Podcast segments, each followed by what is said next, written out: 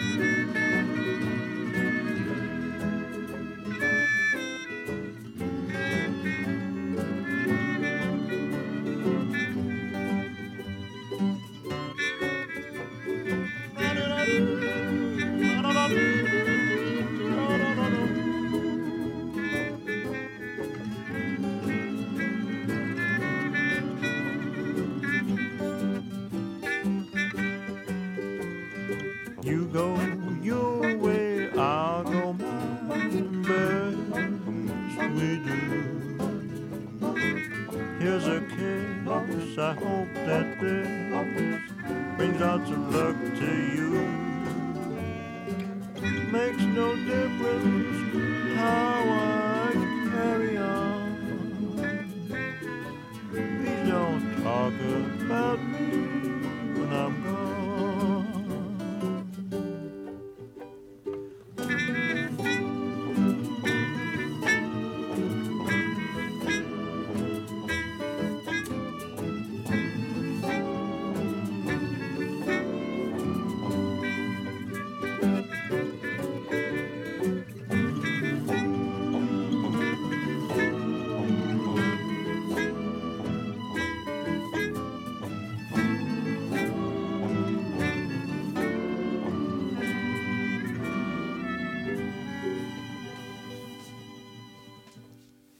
Góðir áherindur, verið hjertanlega velkomnir að hátalaranum.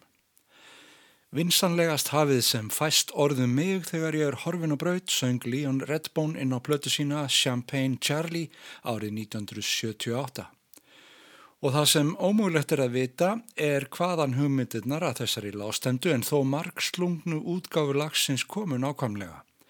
Var það listamæðurinn sjálfur, aðal upptökustjórin Joel Dorn eða meðstjórnandin hinn 22 gamli Hal Wilner sem settu saman þessa strengja prítu sveit með jazzkombói og bakrata söngurum. Við vitum að Hal Wilner fetaði þarna sín fyrstu skref á fjölbreyttri slóðu tónlistarinnar tiltölulega nýkominn til New York frá fæðingarborginni Philadelphia. Let us come with thanksgiving. Let us shout for joy. That holy time of religion, that holy time of religion, that holy time of religion, that holy time of religion.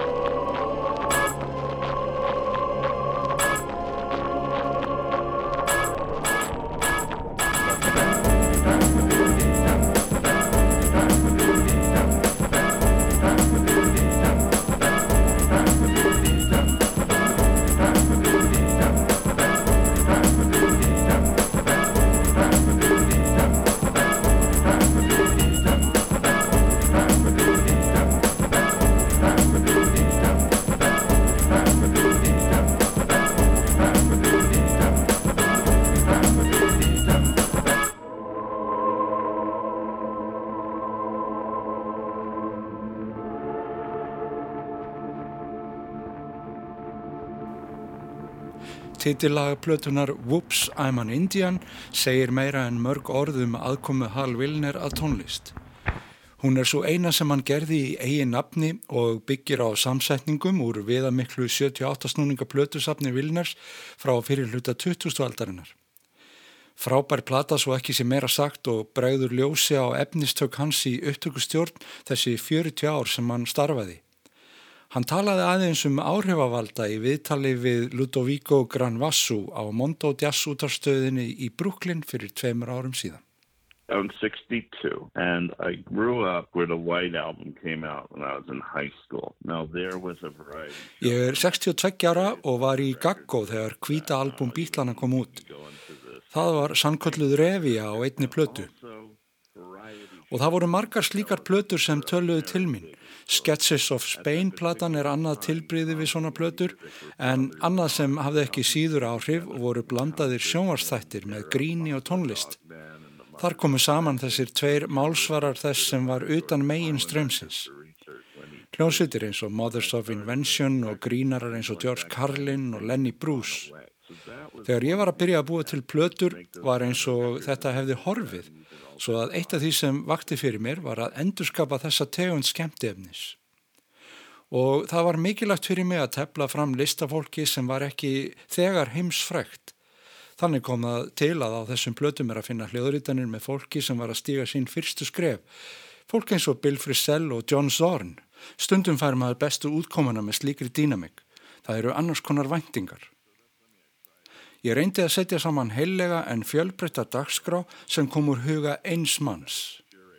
Það var barnalegt að mér að halda að fólk myndi skilja mikilvægi þessarar aðferðar en nógu margir gerðu það til að ég geti haldið áfram að vinna svona. I understand again it was naive of me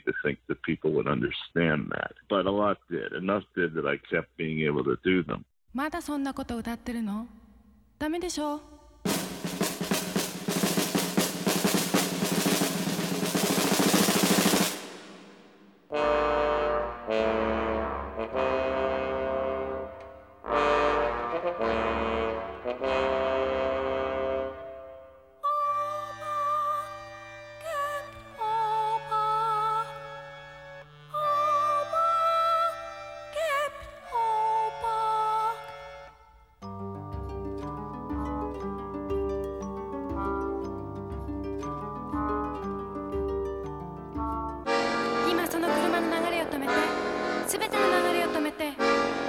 何千もの苦しんでる人々のこと誰も気にかけないの？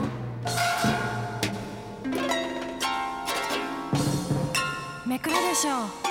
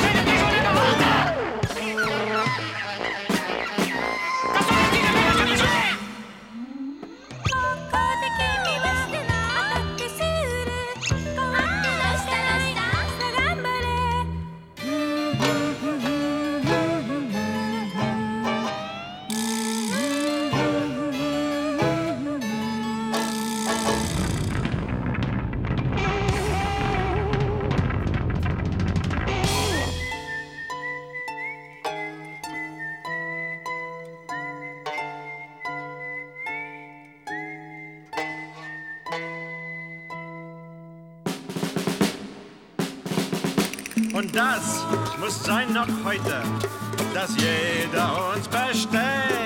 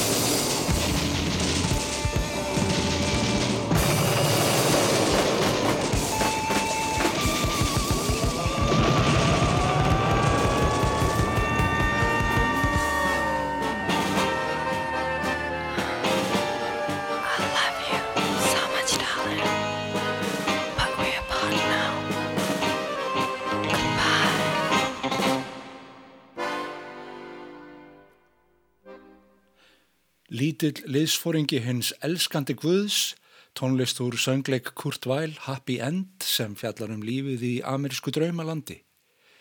Þessi útsetning er meðal þess sem Hal Wilner setti á plötuna Lost in the Stars 1985 þegar hann sapnaði saman glæstum hópi til að takast á við tónlist þýska söngleiki höfundarins sem setti staðið í Ameríku eftir að flýja nazista í byrjun fjörða áratugurins. Það var nokkuð brátt um væl sem lést fyrir aldur fram 1950. John Zorn hefur hins vegar á þessum 35 árum sem liðin eru frá því að hann spilaði þetta með sínu fólki komið ársinni vel fyrir borði í framsækinni tónlist og verið brautriðandi á mörgum sviðum. Það var nú einmitt eitt af því sem vakti fyrir Hal Vilner á sínum tíma að vekja aðtegli á snjöllu upprennandi tónlistarfólki en hann gæti jafnframt í verkum sínum jafnvægis á milli þess nýja og hins hefðbundna. Og kontrabassi Charlie Hayden vegur ennþann dag í dag fallega salt á milli þess nýja og hins hefðbundna í þessari gullfallegu útgáfu á Speak Low.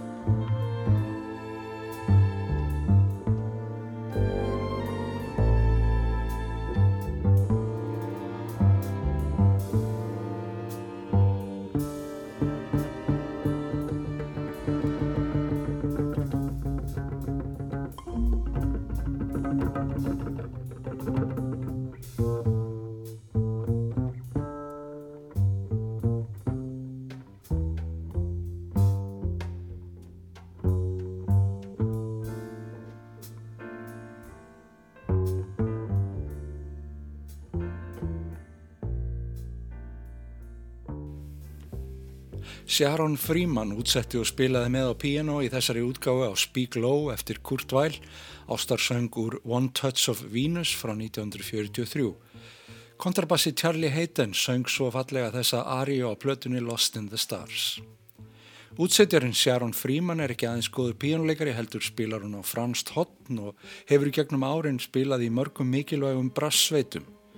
Charlie Mingus, Gil Evans og margir fleiri hafa notið liðveislu hennar og síðustu ár hefur hún haldið upp í merkjum Charlie Hayden í Liberation Music Orchestra þar sem hún hefur spilað með frá byrjun. Og samstarf hennar og Hal Wilner hófst einmitt með Amarkord-plötunni sem við myndumst á í síðasta þætti og hjælta áfram á That's the way I feel now, plötunni með tónlist eftir Thelonious Monk. Þá notaði Sharon Freeman þekkingu sína á franska horninu til að útsetja Monk's Mood.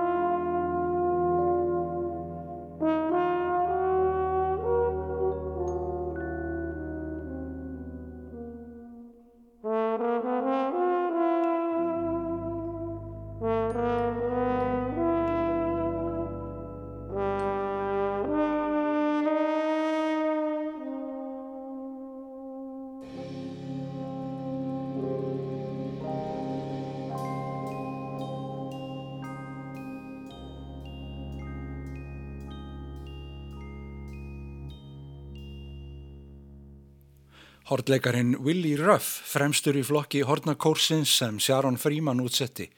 Lægið var Monk's Mood. Eftir mikla velgengni fyrstu þryggja platnana sem Hal Wilner gerði til heiðurs þremur ólíkum tónsmiðum, Nino Rota, Thelonious Monk og Kurt Weill, skipti hann aðeins um gýr og beitti næst aðferðum sínum í þáu hóps höfunda sem allir áttu það sameinlegt að hafa samið tónlist fyrir kvikmyndir Walt Disney. Súplata hlaut nafni Stay Awake í höfuðið á læginu úr myndinum Mary Poppins sem notar öfuga sálfræði við að svæfa börnin. Hún hvetur þau til að halda sér vakandi. Hér syngur Susan Vega. Stay awake, don't rest your head, don't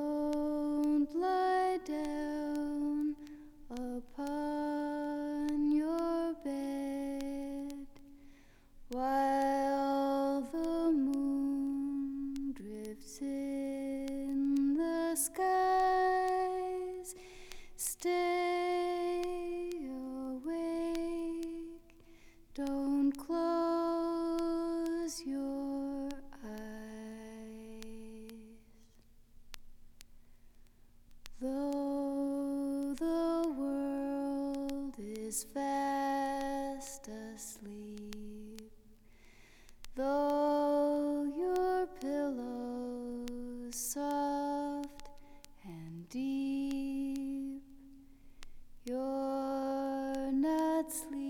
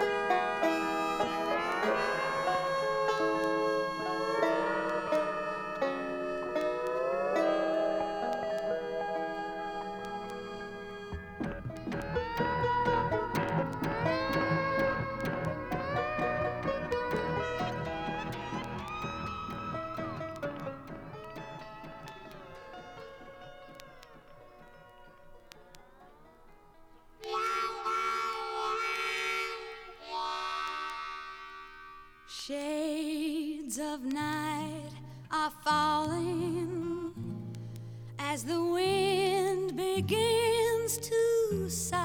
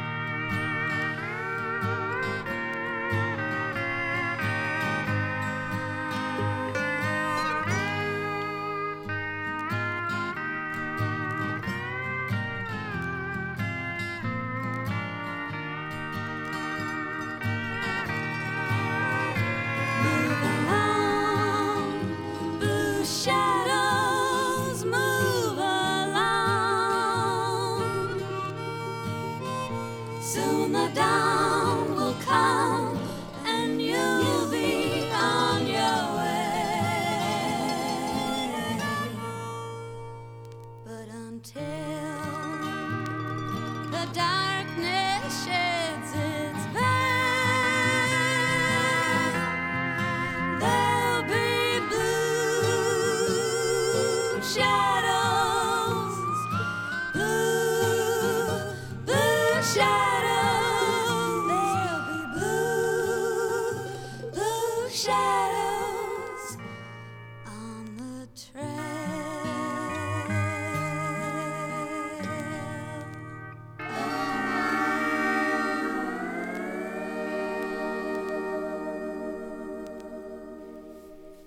Söngkonan Sid Straw flutti Blue Shadows on the Trail, lag úr Disneymyndinni Melody Time frá 1948. Þar áður spunnu þeir Bill Frisell og Wayne Horvitz upp úr lægi úr kvikmyndinu um Gosa í kjölfarflutning Susan Vega á Stay Awake úr Mary Poppins. Ein af mörgum sirpum sem Hal Vilner setti saman fyrir Stay Awake plötuna sem geymir tónlist fjölda mismunandi höfunda sem unnu fyrir Disney samsteipuna þar sem tónlistin var og er enn mikilvægur hluti framleyslunar. Og þó að Disney maskinan setti sig ekki upp á móti gerð plötunar þá er vist óhætt að fullir það að þar á bæ hafi menn ekki alveg verið með puttan á púlsi möguleikana sem fylgdu verkefninu því þeir voru ekki tilbúnir að fjármagna gerð myndbans við síðasta lag plötunar. Þetta hér.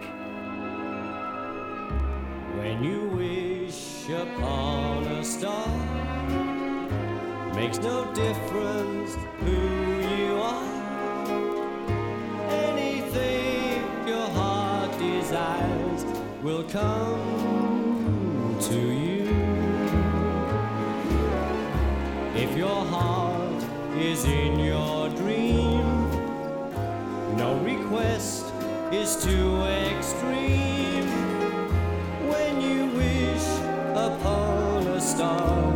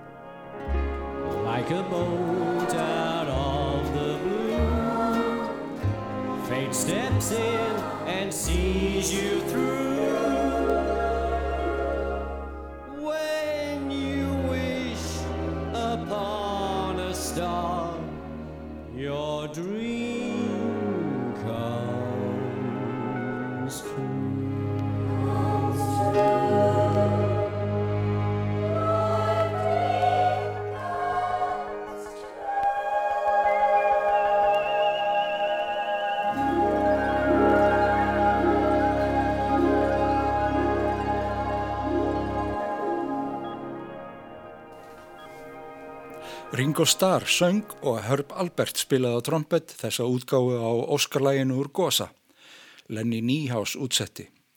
Og ég nefndi það áður en við heyrðum lagið að Disney forkólvarnir hefðu ekki viljað kosta gerð myndbands við þetta lag. Það var mörgum óskiljanlegt að þeir skildu ekki sá ljósið í því tilbúði Hal Vilner sem var búin að fá vinsinn Federico Fellini til að leikstýra. Sumir myndur hennilega að kalla þessa ákvörðun reyna martröð. Hver myndi ekki vilja sjá hann leikstýra Ringo Starr, sagði Hal Vilner í viðtali.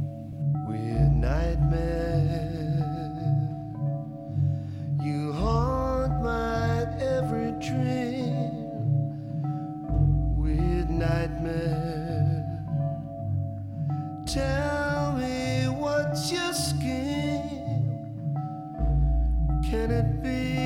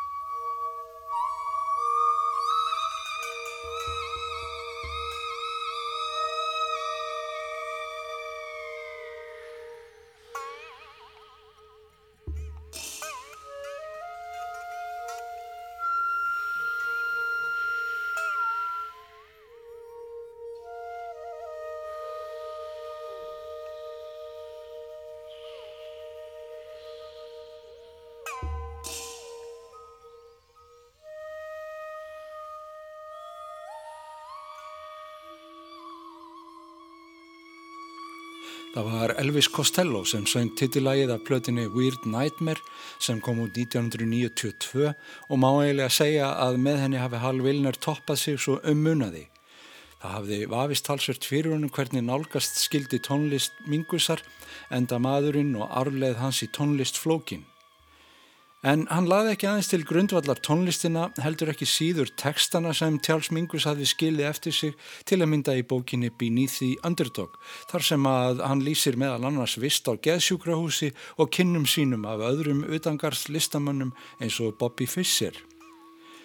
Og eins og til að undistrykka sérkenni tónlistarinnar og höfundarins fekk Hal Vilner líka aðgang að hljóðfærum annars sérkennilegs amerísks listamanns, hljóðfærasmiðsins og tónskaldsins Harry Parts.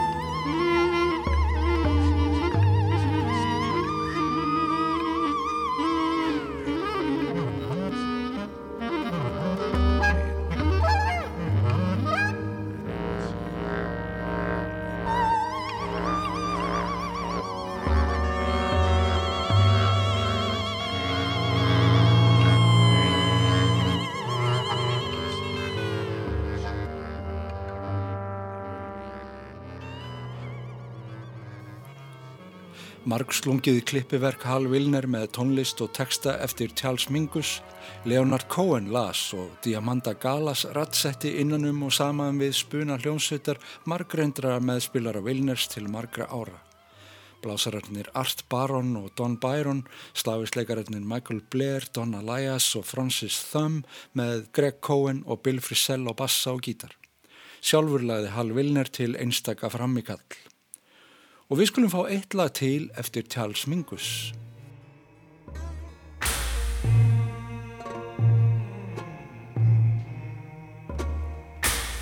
This mule ain't from Moscow. This mule ain't from the south.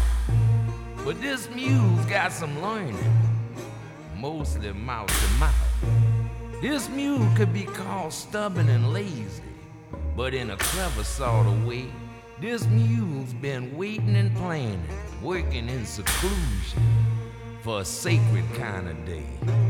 A day that burning sticks and crosses is not mere child's play, but a madman in his most incandescent bloom, whose loveless soul is imperfection in its most lustrous bloom.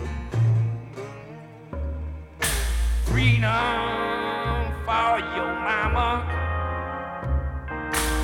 freedom for your woman, freedom for your brothers and sisters, but no freedom for me. Freedom for your mama, freedom for your woman, freedom sister.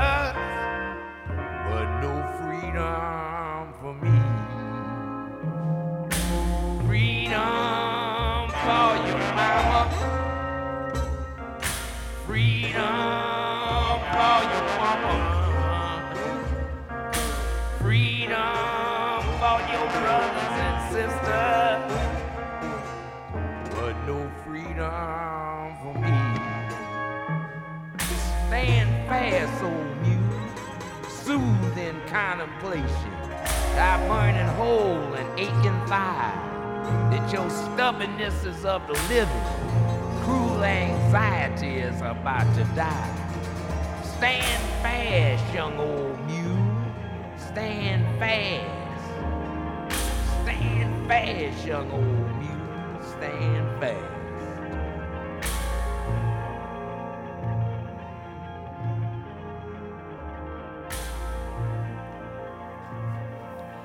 Það var töframadurinn frá New Orleans, Malcolm John Rebenack yngri, betur þekktur sem Dr. John, sem fór með mannréttinda ákall eftir Charles Mingus af plötunni Weird Nightmare frá 1992.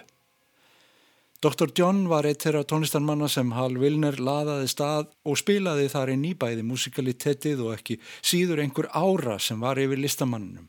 En listamannsnafnið Dr. John var upprunulega hugsað fyrir annan listamann sem hafiði ekki hugrekki til að gangast við uppbruna personunar sem átti að vera senegalskur prins frá Haiti sem gerði sér heimili í Sevjum Suðuríkjana umkringdur 15 eiginkonum og 50 börnum. Rebenak var hins vegar óhrættur við að takast á við personur þessa heims og annars og var reyndar ekki alveg ókunnur því að komast í kastu lögin heldur. En það er annar mál. Þessi söngur fellur einstaklega vel að síðasta hlutanum af hljóðheimi Hal Vilner sem við heyrum um að viku liðinni en hann var mikill áhuga maður um að blanda saman tónlist og hinnu talaða orði. Hér og nú setjum við komuna með öðru dæmi af einu soloplötunni hans, Whoops, I'm an Indian frá 1998. Hér er blanda sama romantísku vögguljóði og ágengum hergangumarsi við nýlæri rafljóð sem virðast kalla fram enn fleiri eiginleika tónlistarinnar þegar sefjandi rithmisk suðræn gospel tónlist bætist við. Berceuse on Parade, takk fyrir að hlusta.